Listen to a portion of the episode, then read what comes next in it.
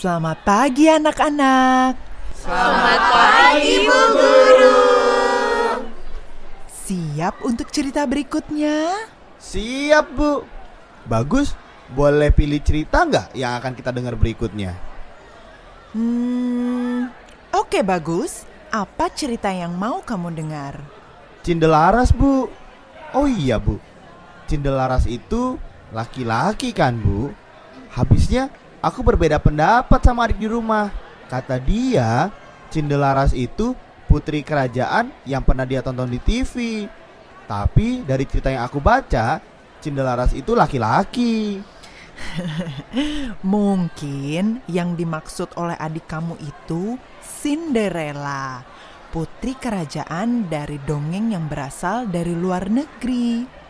Nah, cerita yang akan kita dengarkan ini asli cerita Indonesia dari Jawa Timur. Dan betul, Cindelaras adalah laki-laki yang tampan. Supaya nggak penasaran lagi, yuk kita dengarkan sekarang. Pada suatu hari, kerajaan Jenggala memiliki seorang raja yang bernama Raden Putro. Ia mempunyai dua orang istri. Istri pertama adalah permaisuri yang baik hati dan sangat cantik parasnya. Sedangkan istri kedua adalah selir yang elok juga wajahnya, tapi berhati jahat. Sang selir selalu iri pada permaisuri dan memiliki rencana jahat untuk menyingkirkan permaisuri dari istana. Untuk itu, ia meminta tabib istana untuk membantunya menjalankan rencana jahat ini. Sang selir berlagak sakit dan merengek pada Raden Putro. Ketika Raden Putro bertanya pada tabib istana perihal sakit sang selir, tabib istana mengatakan bahwa sang selir telah diracun oleh sang permaisuri. Wahai tabib, sakit apa yang diderita oleh istriku? Ampun Paduka, beliau sakit karena racun permaisuri. Raden Putro hampir tidak percaya mendengar sang permaisuri telah bertindak jahat meracuni sang selir. Akhirnya Raden Putro memerintahkan patihnya untuk membuang sang permaisuri ke hutan. Tidak hanya mengusir, raja juga memerintahkan untuk membunuhnya setelah sampai di hutan. Hai Patih, permaisuriku telah berbuat jahat dengan meracuni selir. Bawalah permaisuri ke hutan. Sesampainya di hutan, pastikan kamu membunuhnya. Baik Paduka, hamba laksanakan. Pati kerajaan Jenggala merasa sang permaisuri tidak bersalah. Namun mau tidak mau harus menuruti perintah Raden Putro. Sang pati segera membawa sang permaisuri untuk diasingkan di hutan. Maaf Gusti, hamba tahu Gusti tidak bersalah, tapi hamba harus melaksanakan titah Paduka Raja. Setibanya di hutan, sang pati tidak membunuh permaisuri. Ia menangkap seekor kelinci, kemudian menyembelih kelinci tersebut. Kemudian ia mengusapkan darah kelinci pada keris pusakanya sebagai bukti kepada raja bahwa ia telah membunuh permaisuri. Hamba tinggalkan Gusti di tengah hutan. Hamba akan mengaku kepada raja bahwa hamba telah membunuh Gusti. Keris berlumur darah ini sebagai buktinya. Terima kasih Pati atas bantuanmu. Aku tidak akan melupakan kebaikan paman. Setelah Patih pulang ke istana, Permaisuri tinggal sendiri di hutan. Saat itu, Permaisuri dalam keadaan tengah mengandung. Seiring berjalannya waktu, akhirnya sang Permaisuri melahirkan seorang bayi laki-laki yang tampan. Ia memberinya nama Cindelaras. Cindelaras tumbuh menjadi seorang laki-laki gagah dan tangkas. Sejak kecil ia telah terbiasa bergaul bersama hewan-hewan di hutan. Hewan-hewan tersebut menjadi dekat dan menuruti perintah Cindelaras. Pada suatu hari, seekor burung Raja Wali menjatuhkan sebutir telur ayam di dekat Cindelaras. Telur tersebut kemudian diambil oleh Cindelaras dan ia mengeramkannya pada seekor ayam hutan betina sahabatnya. Tiga hari kemudian, telur menetas. Cindelaras merawat ayam tersebut baik-baik hingga tumbuh menjadi seekor ayam jago yang kuat lagi kekar. Paruhnya runcing dan kokoh. Kedua kakinya terlihat kekar dengan kuku-kuku runcing tajam.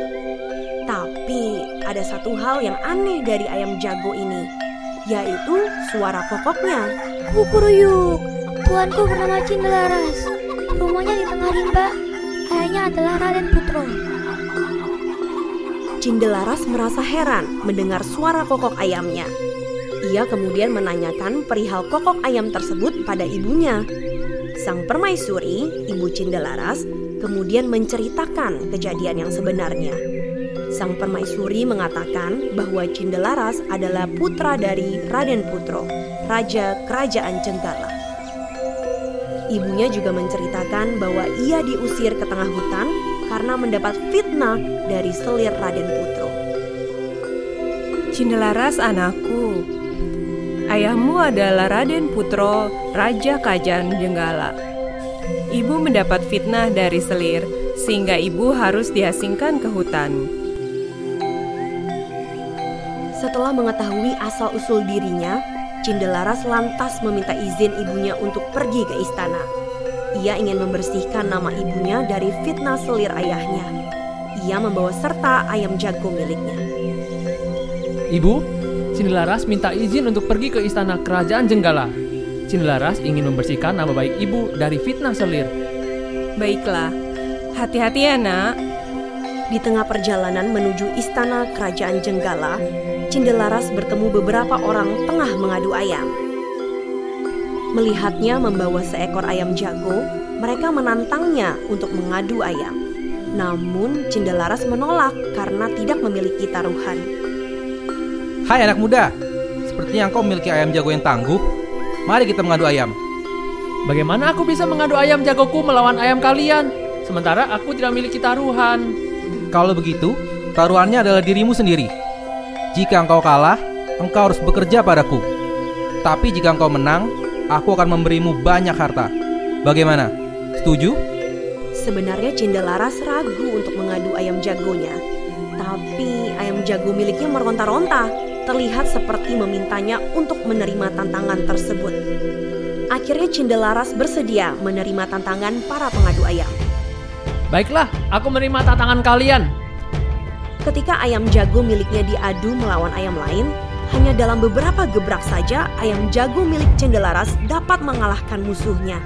Satu persatu ayam milik para pengadu ayam dapat dikalahkan begitu mudah oleh ayam jago Cindelaras. Cindelaras mendapat banyak uang dari adu ayam. Sudah tidak terhitung berapa banyak uang dan perhiasan yang diperoleh Cendelaras dari hasil adu ayam ini. Dalam waktu singkat, kehebatan ayam jago Cindelaras tersebar ke seantero negeri. Sejumlah penyambung ayam berpendapat hanya ayam milik Prabu Raden Putro saja yang mampu menandingi ayam Cindelaras. Kabar ini akhirnya sampai juga ke telinga Raden Putro. Raden Putro ingin mengadu ayam miliknya melawan ayam jago Cindelaras. Ia kemudian memerintahkan prajuritnya untuk membawa Cindelaras beserta ayam jagonya ke istana untuk diadu melawan ayam milik Raden Putro. Hai para prajurit, aku dengar ada seorang anak muda yang memiliki ayam jago yang tangguh. Panggillah anak itu kemari. Aku ingin mengadu ayam jagoku dengan ayamnya. Tidak lama kemudian, Cindelaras berhasil ditemui oleh para prajurit kerajaan. Para prajurit membawanya ke istana untuk bertemu Raja Jenggala. Engkaukah yang bernama Cindelaras, pemilik ayam jago tangguh? Maukah engkau mengadu ayam milikmu melawan ayam jago milikku? Hamba bersedia Gusti Prabu. Apa taruhanmu? Taruhannya, jika ayam jago hamba kalah, hamba serahkan nyawa hamba pada Gusti Prabu. Tapi, jika ayam jago hamba menang, hamba meminta separuh wilayah kerajaan Jenggala.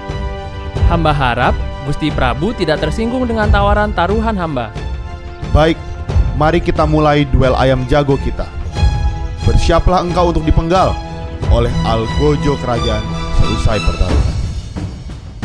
Kerajaan pun menyiapkan pertarungan kedua ayam jago tersebut di alun-alun istana.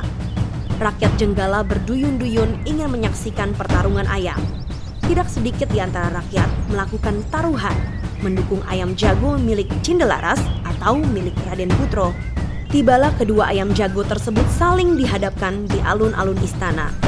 Ayam jago milik Cendelaras terlihat kalah besar jika dibandingkan dengan ayam jago milik Raden Putro. Namun, ayam jago Cendelaras nampak tidak menunjukkan rasa takut sama sekali. Diiringi sorak-sorai rakyat menonton, dimulailah pertarungan kedua ayam. Meski bertubuh lebih kecil, ayam jago milik Cendelaras nampak sangat tangguh. Ayam tersebut mampu membuat ayam jago milik Raden Putro kepayahan. Berkali-kali ayam jago milik Raden Putro jatuh terpental. Serangan-serangan balasan dari ayam jago Raden Putro begitu mudahnya ditangkis. Melihat kenyataan ini, Raden Putro menjadi cemas. Ia khawatir ayam jago miliknya akan kalah. Tentunya ia khawatir karena akan kehilangan separuh wilayah kekuasaannya. Tidak lama kemudian, ayam jago miliknya berkaok-kaok, kemudian lari meninggalkan arena pertarungan. Nampaknya ia sudah tidak sanggup melawan ketangguhan ayam jago milik Cendelaras. Rakyat pendukung ayam Cendelaras bersorak-sorai gembira. Raden Putro merasa terkejut hingga lemas tubuhnya. Walaupun masih belum bisa menerima kekalahannya, namun ia sebagai Raja Jenggala harus menjaga kehormatannya. Ia harus menepati janjinya. Sang raja harus rela menyerahkan separuh wilayah kekuasaan kerajaan Jenggala kepada Cindelaras. Setelah selesai bertarung, mendadak ayam jago Cindelaras berkokok. Kukuruyuk, tuanku Cindelaras. Rumahnya di tengah hutan rimba, atapnya daun kelapa. Ayahnya adalah Raden Putro. Raden Putro keheranan dengan ayam jago Cindelaras. Cindelaras, benarkah apa yang dikatakan oleh ayam jago milikmu itu? Benar Paduka, menurut ibu hamba yang sekarang berada di hutan rimba, hamba adalah putra Gusti Prabu. Ibu hamba adalah permaisuri Paduka yang diasingkan ke hutan. Beliau difitnah oleh selir. Percayalah Gusti Prabu, ibu hamba tidak bersalah. Melihat kejadian tersebut, sang patih kerajaan segera menghadap Raden Putro. Ampun Gusti Prabu, hamba tidak melaksanakan titah Gusti Prabu untuk membunuh sang permaisuri karena hamba tahu sang permaisuri hanyalah korban fitnah sang selir.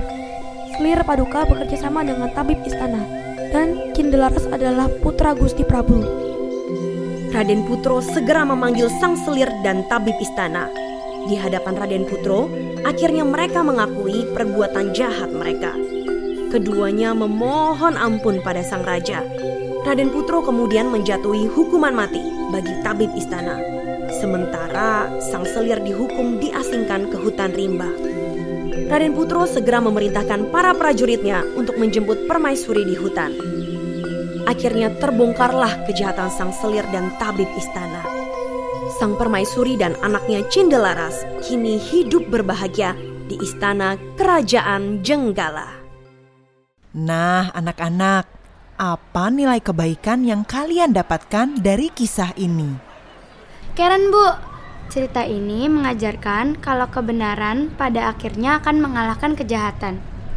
Jawaban yang keren, Karen. Oke, anak-anak, sekarang kalian boleh istirahat ya. Baik, Bu.